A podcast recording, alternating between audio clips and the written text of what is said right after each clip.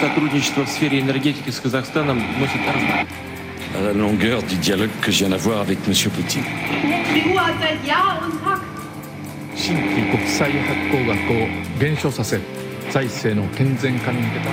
Símbolo del fascismo en Sudamérica. मगर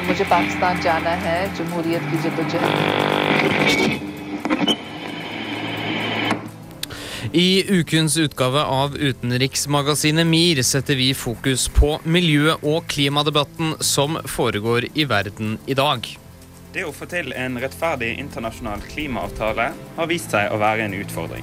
Vår kollega Håvard Lid har sett på BRICS-landene sin rolle i klimadebatten. Men til tross for at den vanlige mannen i gata i India eller Russland ikke tjener like mye som en europeer, utgjør like fullt disse landene enorme økonomier og enorme klimagassutslipp.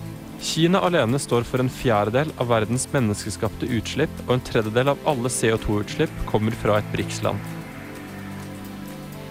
Urbefolkning er tradisjonelt nært knytta til naturen, og da òg de som nå merker konsekvensene av klimakrisen mest. For en stund tilbake så intervjua Katrine Lunde BIFF-aktuelle, altså Bergen internasjonale filmfestival, Runar Jarlevik for å lære om Moken-folket. Og vi har sett at de yngre som vokser opp nå, de, de mister jo dykkerkunnskapene og alt det som de er til dels genetisk liksom satt på å klare. da. Skal høre om nordmenn sitt engasjement i klima- klimakrisa i en kronikk av Martin Dale Bergheim. Det er altså klima- og miljøsending i utenriksmagasinet MIR. I dag i studio så har du meg, Peder eh, Tollesjø. Meg, Alexander Losnegård. Meg, Amalie Henriksen. Og meg, Aisha Marie Heim. Men uh, før vi setter i gang, så tar vi en tur uh, ut i skogen, og det gjør vi med uh, en liten låt som heter Out of the Woods, med House by the Lake. Du hører på Utenriksmagasinet MIR på Studentradioen i Bergen. House by the Lake med Out of the Woods. Du hører på utenriksmagasinet MIR på Studentradioen i Bergen. Og denne uken så snakker vi om eh, det alltid aktuelle temaet klima og miljø. Det er artig. Det er artig. Veldig artig. Eh, men eh, vi, eh, det er jo et tema som, eh, om ikke alle vet så mye om det, så har jo som regel alle en, en eh, mening om det. Og det gjelder også våre to splitter nye radiomedarbeidere, Alexander og Amalie, i dag. De skal prøve å forholde seg objektive så godt som overhodet mulig.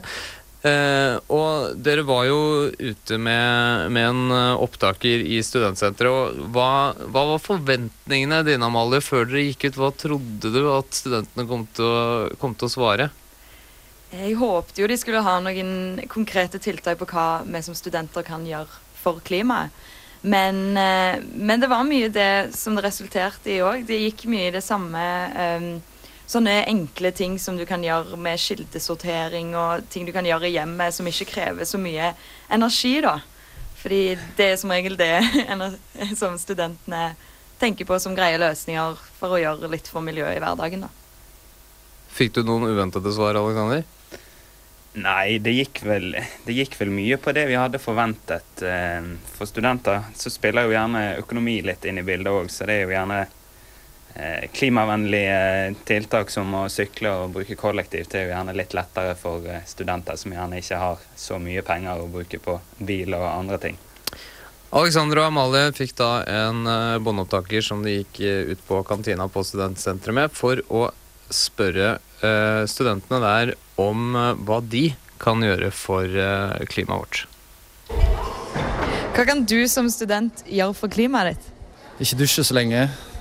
Ehm, ikke kjøre bil. Jeg har ikke bil, så det går egentlig veldig greit. Bruke eh, offentlig transport.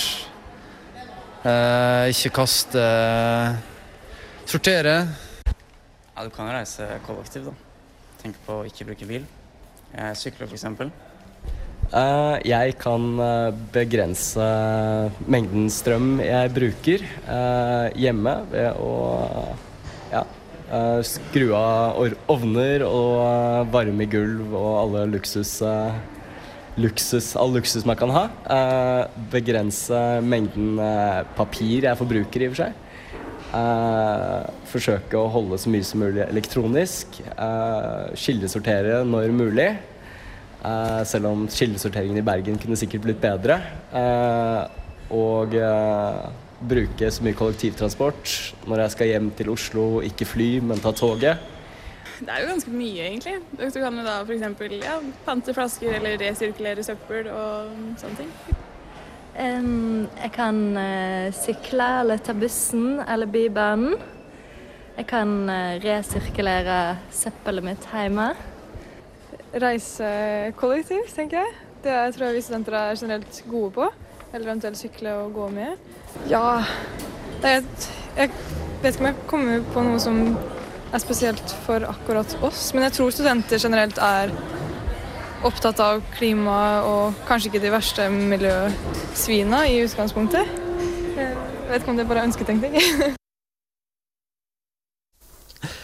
Der hørte vi hva studentene selv eh, mente, mente om dette.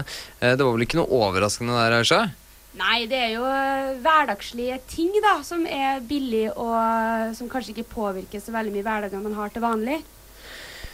Eh, definitivt. Og vi eh, Klima er jo noe som eh, alltid er aktuelt, og alle har en mening om. Spesielt de siste årene så er jo det blitt eh, noe på alles eh, lepper i, i eh, mediene, i politikken, alt mulig, og nå også på studentradioen. Ja, det stemmer. Og det er alltid like hyggelig. Ehm, vi skal litt videre til det som heter BRICS-landene. Eh, og er det noen her som kan fortelle meg hva BRICS eh, står for? Ja, eh, Kort oppsummert så står det jo da for eh, Brasil, Russland, India, Kina og Sør-Afrika. Og det er jo land som typisk har vært å regne som, eh, som u-land, men som er på vei opp. Flere av de er jo Mm. allerede blitt blant de største økonomiene i verden. Definitivt. Ja, eh, Grunnen til at vi har lyst til å snakke om dem her også, er jo fordi at i eh, debatten om klima i verden i dag, så er det jo en veldig sånn skillelinje, økonomisk skillelinje på i-land og u-land. Og det er det som på en Mm. måte bestemmer eh, Eller ja, som gir føringer da, for hva tiltak man må gjøre eller ikke å gjøre. Og eh, problematikken her er at BRICS-land er store økonomier, men er definert som u-land. Eh, så det blir på en måte et skeivt eh, forhold da, i forhold til hvor mye de forbruker og hvor mye de forurenser, i forhold til hvor mye tiltak de er bundet eller ja, det er snakk om å binde seg til å gjøre. da. Hadde BRICS-landene hatt lik filosofi som studentene på studentsenteret, hadde vel ting vært mye enklere enn det? Ja, det er veldig sant. Eh, Jeg syns alle må alle må gjøre eh, sitt for eh, klimaet. Men disse BRICS-landene slipper da gjerne litt eh, lett unna, fordi de tidligere ble kategorisert som u-land. Samtidig er jo eh, diskusjonen også her I-land har jo over ganske mange år eh, forbruka og forurensa veldig masse. Og jeg tror det BRICS-landene på en måte bruker som argument, er hvorfor skal ikke de få lov å ha den samme utviklinga som I-land har hatt? Dette og mye annet har eh, vår tredje nye medarbeider, eh, Håvard Lid, eh, tatt eh, for seg denne uken når han har sett nærmere på disse BRICS-landene. I juni 1992 arrangerte FN et toppmøte i Rio de Janeiro. Klima var på agendaen, og som følge av møtet ble Klimakonvensjonen undertegnet. I korte trekk ble man her enige om at i-landene skulle kutte i sine utslipp, mens u-landene skulle slippe å tenke på dyre miljøtiltak. På begynnelsen av 1990-tallet virket dette ganske logisk. Både fordi i-landene hadde stått for høye utslipp de siste 150 årene, men også fordi de på 90-tallet sto for mesteparten av klimagassutslippene. Nå, 22 år etterpå, ser verden ganske annerledes ut. Flere land har opplevd en enorm vekst siden 1990-tallet, og fem av disse har dannet en politisk og økonomisk allianse. Brasil, Russland, India, Kina og Sør-Afrika utgjør det vi ofte omtaler som BRICS-landene. Dette er veldig folkerike land, og siden Verdensbanken ser på inntekt per innbygger, er disse fortsatt definert som u-land.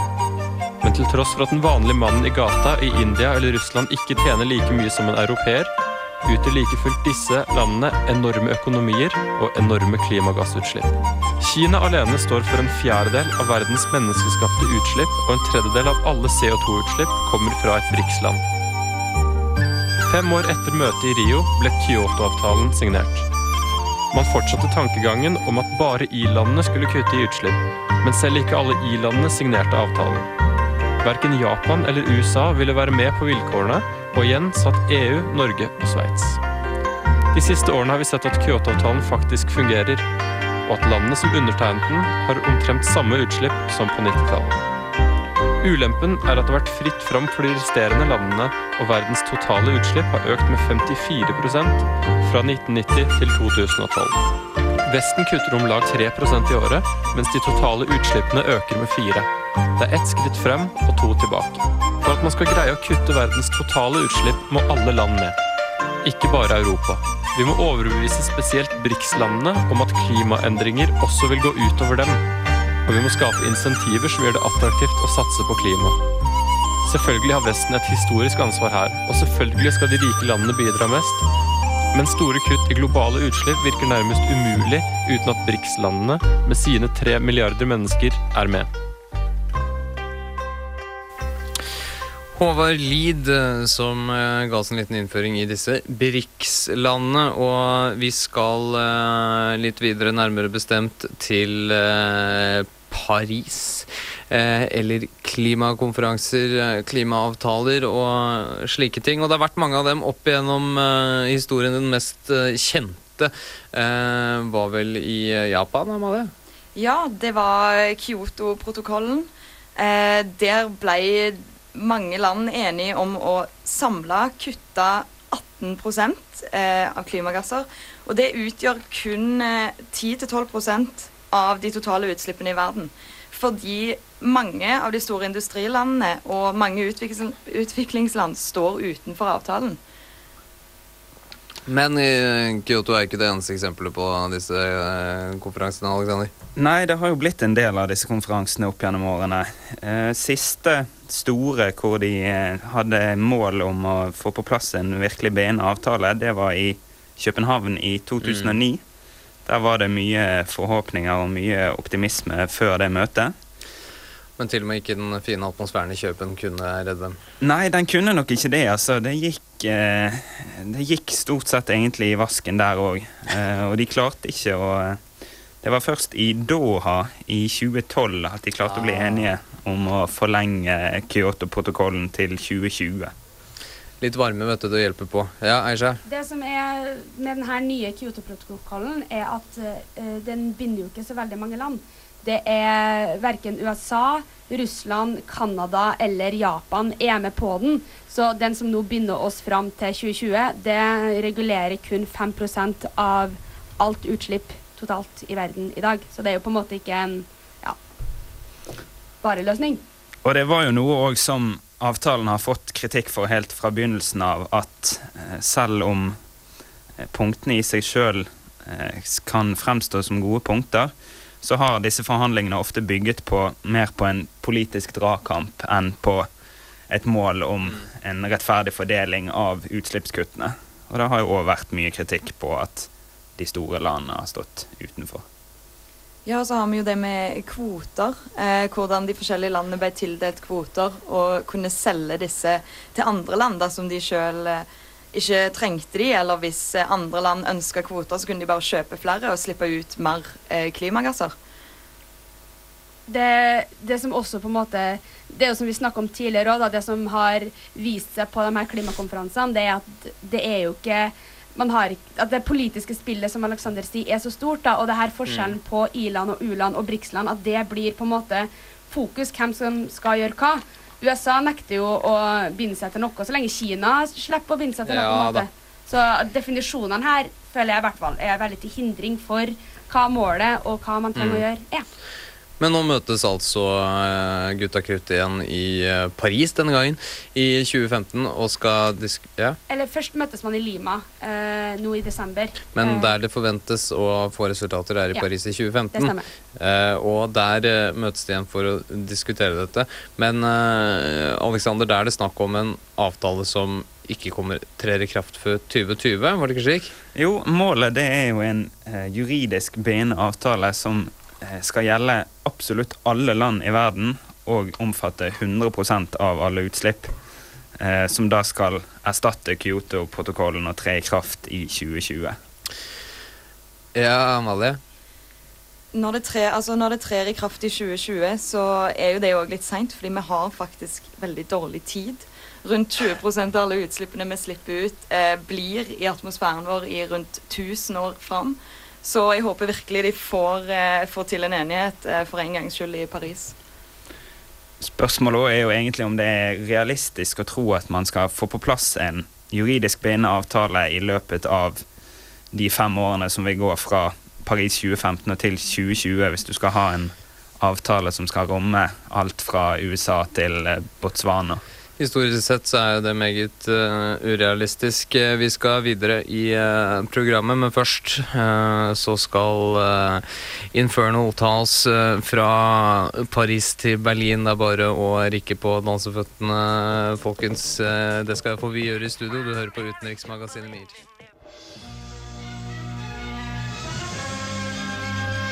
Du hører på Folkets mening i utenriksmagasinet MIR.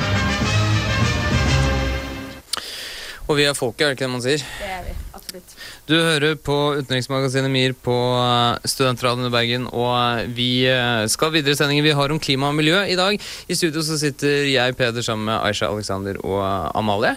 Og vi snakket før sangen om Paris-konferansen i 2015, og også om tidligere konferanser, bl.a. den i København i 2009, og der ble de enige om et mål som kan vise seg å være hårete eller ei. Det får tiden vise. Hva var dette for noe, Aisha?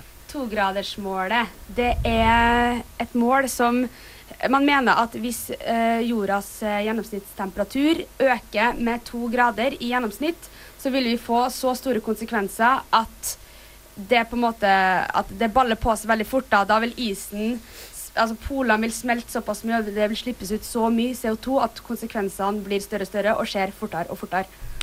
Fortere og fortere. Uh og om det er realistisk at dette her blir, uh, blir uh, en realitet eller ikke, det er vel urealistisk. Uh, det viser vel historien, og det har vel litt også med Ikke nødvendigvis med folkets mening, men med det De som sitter ved makten i de forskjellige landene. For dette er ikke bare et snakk om vår planet, dette er også en maktkamp, Alexander. Ja, det er jo ikke til å komme unna det. Og selv om akkurat dette togradersmålet virker, eh, virker veldig hårete og er veldig ambisiøst, så innebærer det òg at vi må ha litt ambisiøse mål på, eh, på, hjemmebane og på nasjonalt plan òg. Og der kan man jo spørre seg om, eh, om, viljen egentlig er stor nok til å gjennomføre tiltak som den store delen av befolkningen egentlig ikke vil synes så veldig mye om.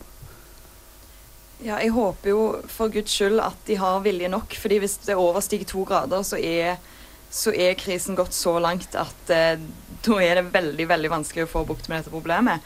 Eh, og problemet til politikerne er jo gjerne at de må ha folket med seg.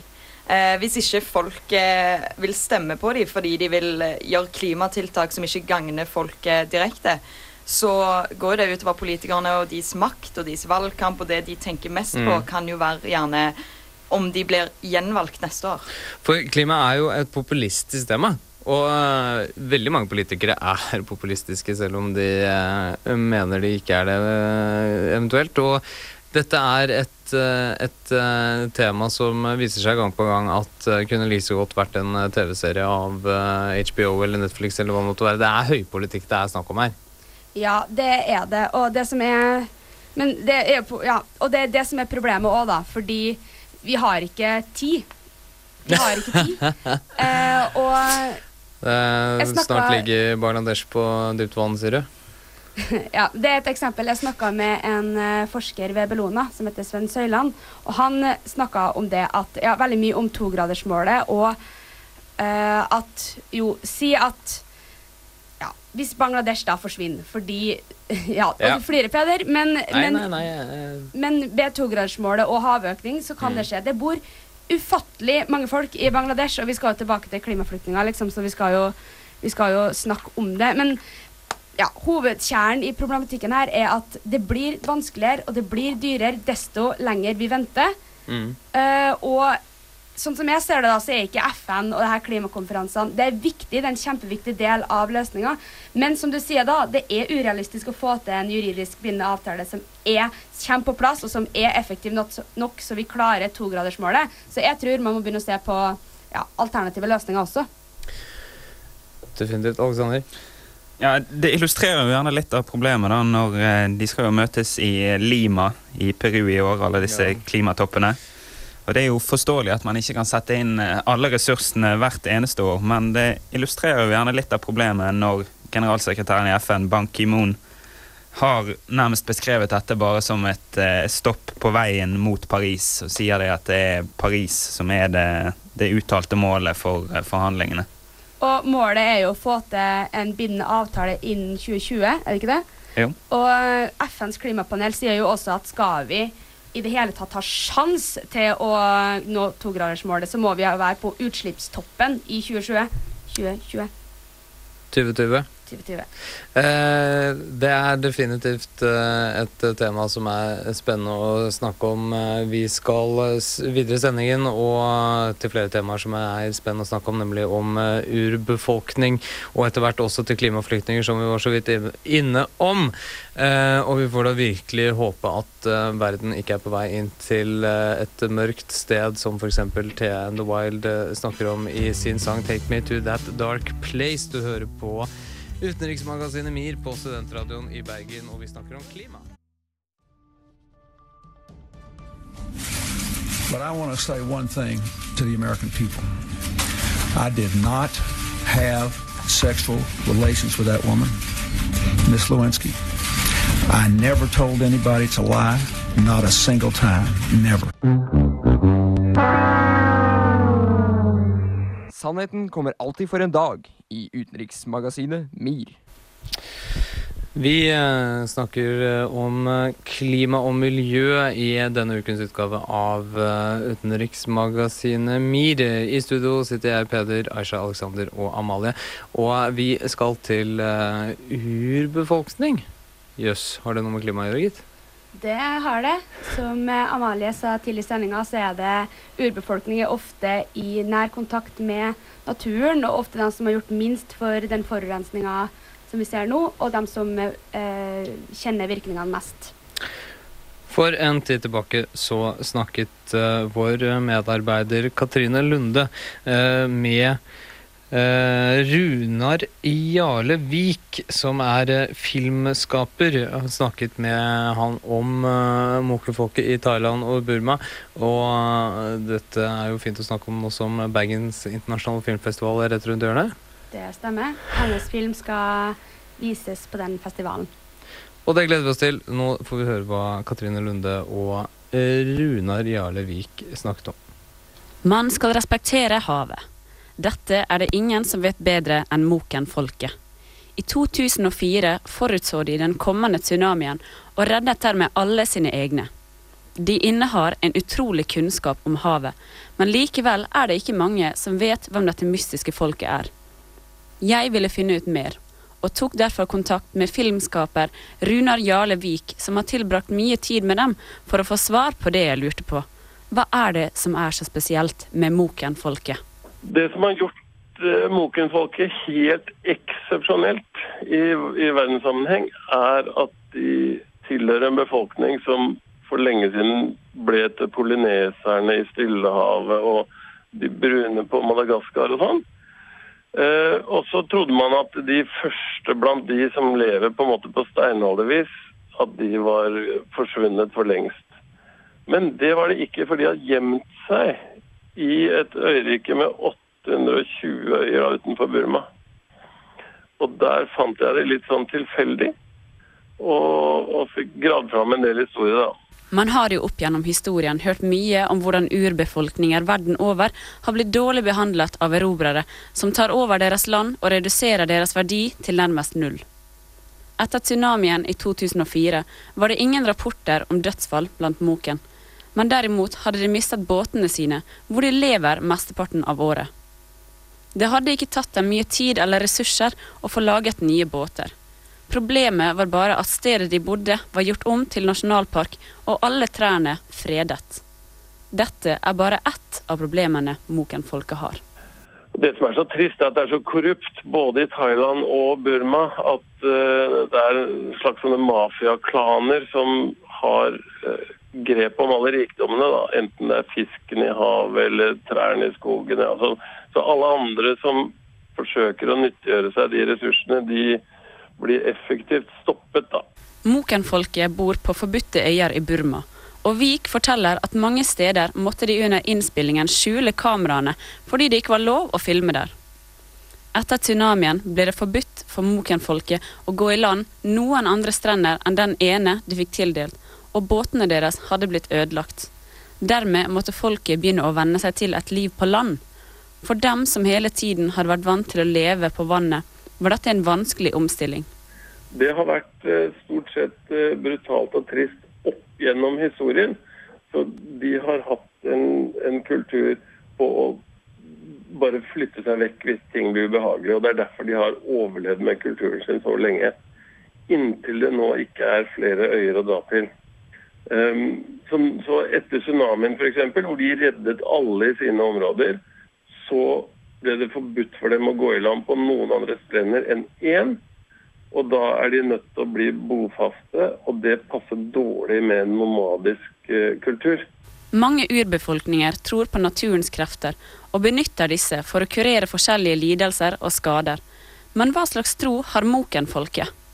Ja, de er animister og tror på forfedre og spirits, og de har reddet meg en gang fra the evil spirit of the stingray. Så jeg har opplevd å bli kurert av ånderitualet og litt jungelurter på en og en halv time fra noe som er, er verre enn hoggormbitt. sånn at vanligvis ligger man tre-fire døgn og hyler på et sykehus. Men det var gjort på halvannen time, da. Kan jeg fortsette å filme. Moken lever i båter som kalles for kabanger, men møtet med den såkalte sivilisasjonen har ofte betydd problemer for urbefolkninger verden over, og Moken-folket er inget unntak. Med en gang de nå er puttet på land, så har vi sett at det dukker opp sånne snåle greier med at ok, nå må mannen ut og skaffe noe greier, og så skal kona liksom bare være hjemme i høtta. Hun sitter jo da og kjeder seg. Og vi har sett at de yngre som vokser opp nå, de, de mister jo dykkerkunnskapene og alt det som de er til dels genetisk liksom satt på å klare. da. Så jeg har hatt med unge mennesker ut og måttet lære dem opp til å gi uh, utligne og sånne helt basic dykketing. Og med en gang de lærer det, så er de på liksom toppnivå i verden. Som Vik sier, så er det en fare for at Moken-folkets tradisjoner og arv forsvinner, fordi den unge generasjonen ikke blir lært opp på samme måte som deres forfedre. Vik mener dette kan ordnes på en enkel måte, nemlig å jobbe mot en løsning innen økoturisme, hvor Moken-folket får vist fram hva de kan, uten at vi prøver å ødelegge et levesett de har hatt i så mange år, og som de er avhengige av å ha.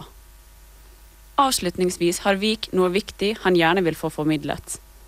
I alle urbefolkningsspørsmål så kan man gjøre en liten ettertanke og prøve å tenke tilbake til liksom våre besteforeldre her i Norge, hvor det var mye småbruk og fisking og sånn. Vi ville heller ikke på museum. Så ha det litt i bakhodet at enhver urbefolkning som eh, har en ny generasjon som vokser opp, gråter veldig over å miste det de mestrer og det de er glad for. Men hvis det er bruk for det i den moderne verden, og den moderne verden kunne sette pris på noe av det de er best på, så er det det optimale. Det burde jobbes for å finne en løsning hvor vi kan lære av urbefolkningen, og måter urbefolkningen kan lære av oss. I stedet for å prøve å bli kvitt måten de lever på, burde vi jobbe for at slike kulturelle forskjeller skal tas vare på og styrkes. Det hadde vært det beste. Det hadde vært det beste, sa Katrine Lunde, som hadde snakket med Rune Jarle Vik, som er filmskaper om Mokum-folket i Thailand og Burma. Eh, interessant å høre på. Absolutt. Vi eh, raser videre i, eh, i sendingen. Eh, etter eh, neste låt så skal vi snakke om klimaflyktninger. Hva er det? Nei, Det er veldig vanskelig å finne ut av, men vi har prøvd. Og det blir spennende å se om vi har funnet ut uh, noe smart å, smart å si. Uh, akkurat nå så skal vi ha Chain Wallet med 'Stuck in the Fall'. Du hører på utenriksmagasinet MIR på studentradioen i Bergen. And we go a little something like this. Hit it. President Obama said he did not feel that he deserved to be in the company of so many. The committee has attached special importance to, to Obama's vision of and work for a world free from nuclear that have been honored by this prize and whose courageous pursuit of peace has inspired the world. For more inspiration, utenriksmagasinet MIR. Du hører på utenriksmagasinet MIR på studentradioen i Bergen, og denne uken så snakker vi om klima og miljø. Eh, og det er noen ganger man hører i mediene, og litt forskjellig, om noe som heter klimaflyktninger. Eh, vanligvis når vi skal snakke om vanskelige begreper, så åpner vi med en definisjon, men akkurat i dette tilfellet, Aisha, så er det litt vrient. Det er veldig vanskelig. Eh, Og det er ikke, på, det er ikke vår skyld, det er ekspertene. ja, det er OK, fordi eh, i 2010 så har Flyktninghjelpen og FNs klimapanel slått fast at 38 millioner mennesker var drevet på flukt pga. ekstremvær.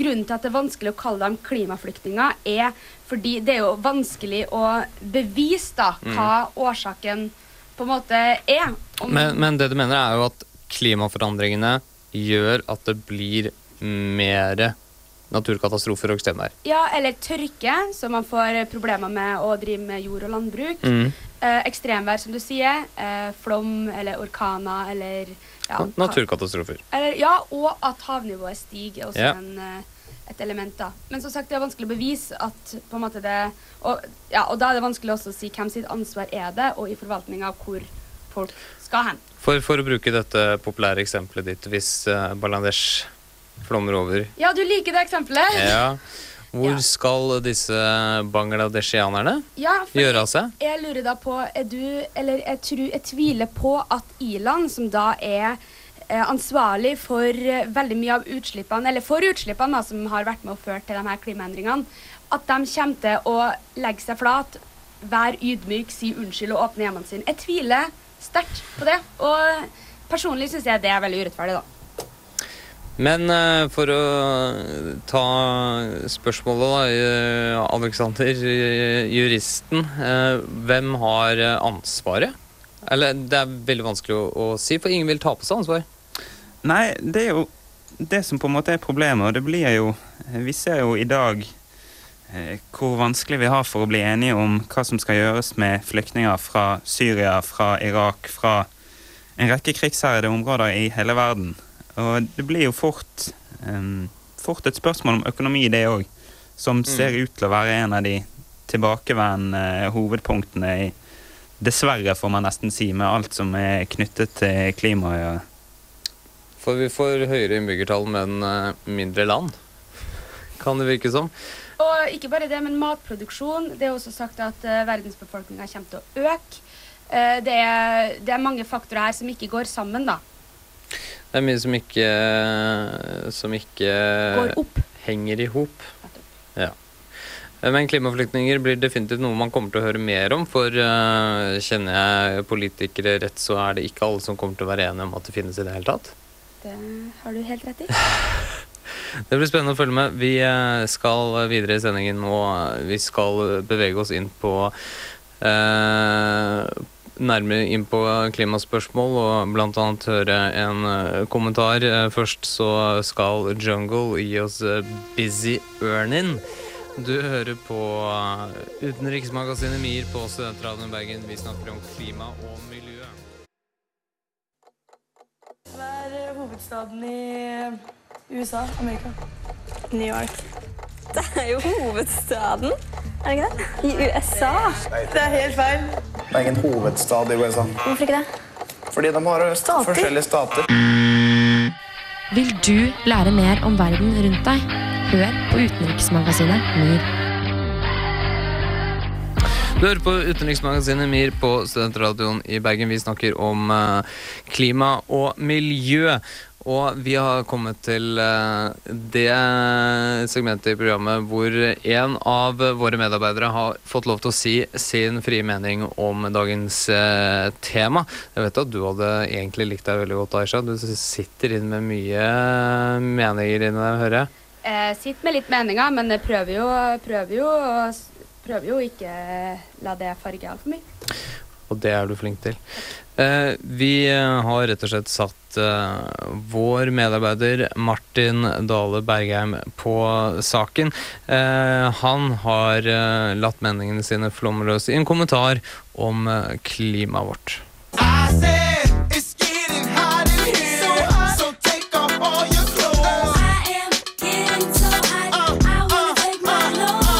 Ja, det blir varmere på jorden. Og det er neimen ikke oss nordmenn imot å ta av seg et klesplagg eller to. For er det noe vi liker å oppsøke, så er det varmen. Vi forguder varmen. Og disse klimaendringene, ja, de kommer vel som bestilt på sølvfat for oss kalde nordboere.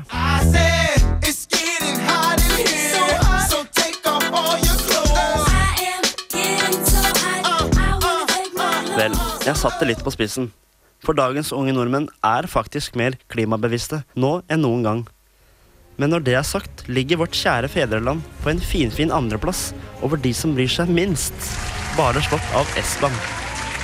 Og det er vel ikke akkurat en hederspris, er det vel? Og hvorfor er det sånn at vi nordmenn ikke bryr oss like mye som andre? Klimaforskere mener det kan være flere grunner. For det første er hele klimasaken en fjern ting for oss. Vi lever i harmoniske tilstander og har det så godt at når det dukker opp TV-bilder fra flomkatastrofer i India og Bangladesh, så tenker vi uff. Eller jøss, det er ikke alle som har det like godt som oss. Uten at det egentlig gir utslag i noe mer enn omtanke. For det andre så er det frykten for en dommedag som slår inn. Vi nordmenn er jo litt godtroende og naive, og slår fra oss de negative tankene vi måtte ha. Motivasjonen for å handle minskes rett og slett pga. frykten. Den tredje grunnen er skyldfølelsen. Hodene våre har blitt penetrert med klimatanker de siste årene, men handlingene de uteblir. Vi har jo for så vidt et godt sinn, men det hjelper jo grunn lite når ingenting blir gjort. I stedet så får vi en holdning som tilsier at disse klimaendringene ikke kan ha så stor betydning. Dessuten liker vi å fornekte dette faktumet. Vi vet det er sant, men vi liker å tro noe annet. Det blir som om en person fornekter at røyking dreper, eller at eh, ubeskyttet sex kan føre til hiv og aids. Det femte og siste punktet omhandler våre egne interesser. Vi bryr oss eh, selvfølgelig hvis det angår oss, men ikke noe mer. Det som skjer andre steder i verden, ja, det får de ta ansvar for selv, tenker vi. Så kom igjen, folkens. La oss bli litt mer klimabevisste. Og mye mer handlingsmotiverte. Vi må tross alt vekk fra denne andreplassen.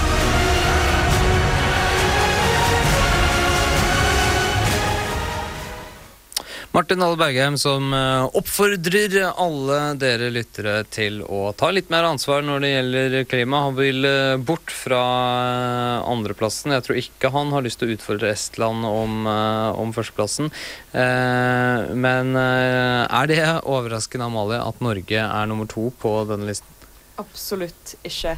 Når det skjer, når det skjer klimakriser, holdt jeg på å si, naturkatastrofer, ekstreme ting som skjer i andre land, så tenker vi gjerne heller åh, vi har det så godt her i Norge. Vi setter pris på at vi har det så godt her i Norge.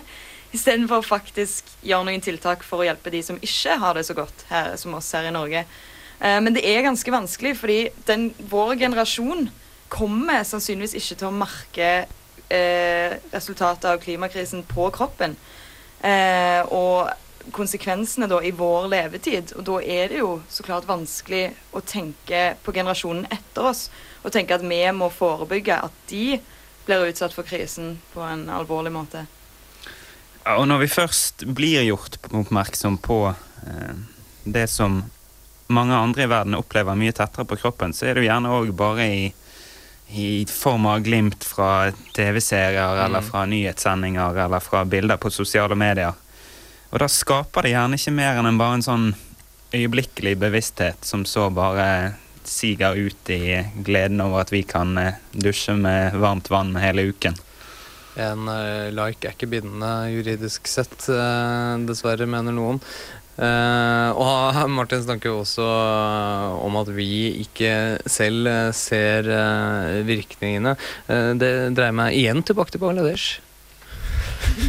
Ja, det som det poenget til Martin her er da, eller ja, sånn Norge vinner jo av klimaendringene. Vi blir jo vi, Altså, det blir enklere å dyrke mat her. Vi får det ja, noen litt eh, varmere somre, på en måte. og men ja, denne diskusjonen føler jeg også skaper mer eh, Altså det er en slags polarisering her som skjer, da. Og at det skapes liksom en enda større distanse mellom ja, folk, nordmenn da, og folk som bor ja, i Bangladesh, da, hvis vi skal ta det eksempelet. Men vi var jo også inne på disse miljøbevegelsene som uh, prøver å, å argumentere for klima. Det er ikke bare enkelt, det heller.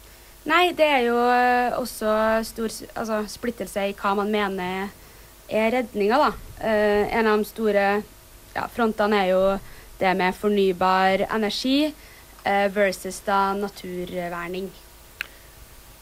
Ja, når det kommer til miljøbevegelsen, så er det jo òg veldig mye politisk. At de òg tenker litt mer politisk. Eh, De jobber gjerne på helt eh, ulike faglige arenaer, de forskjellige aktørene i miljøbevegelsen.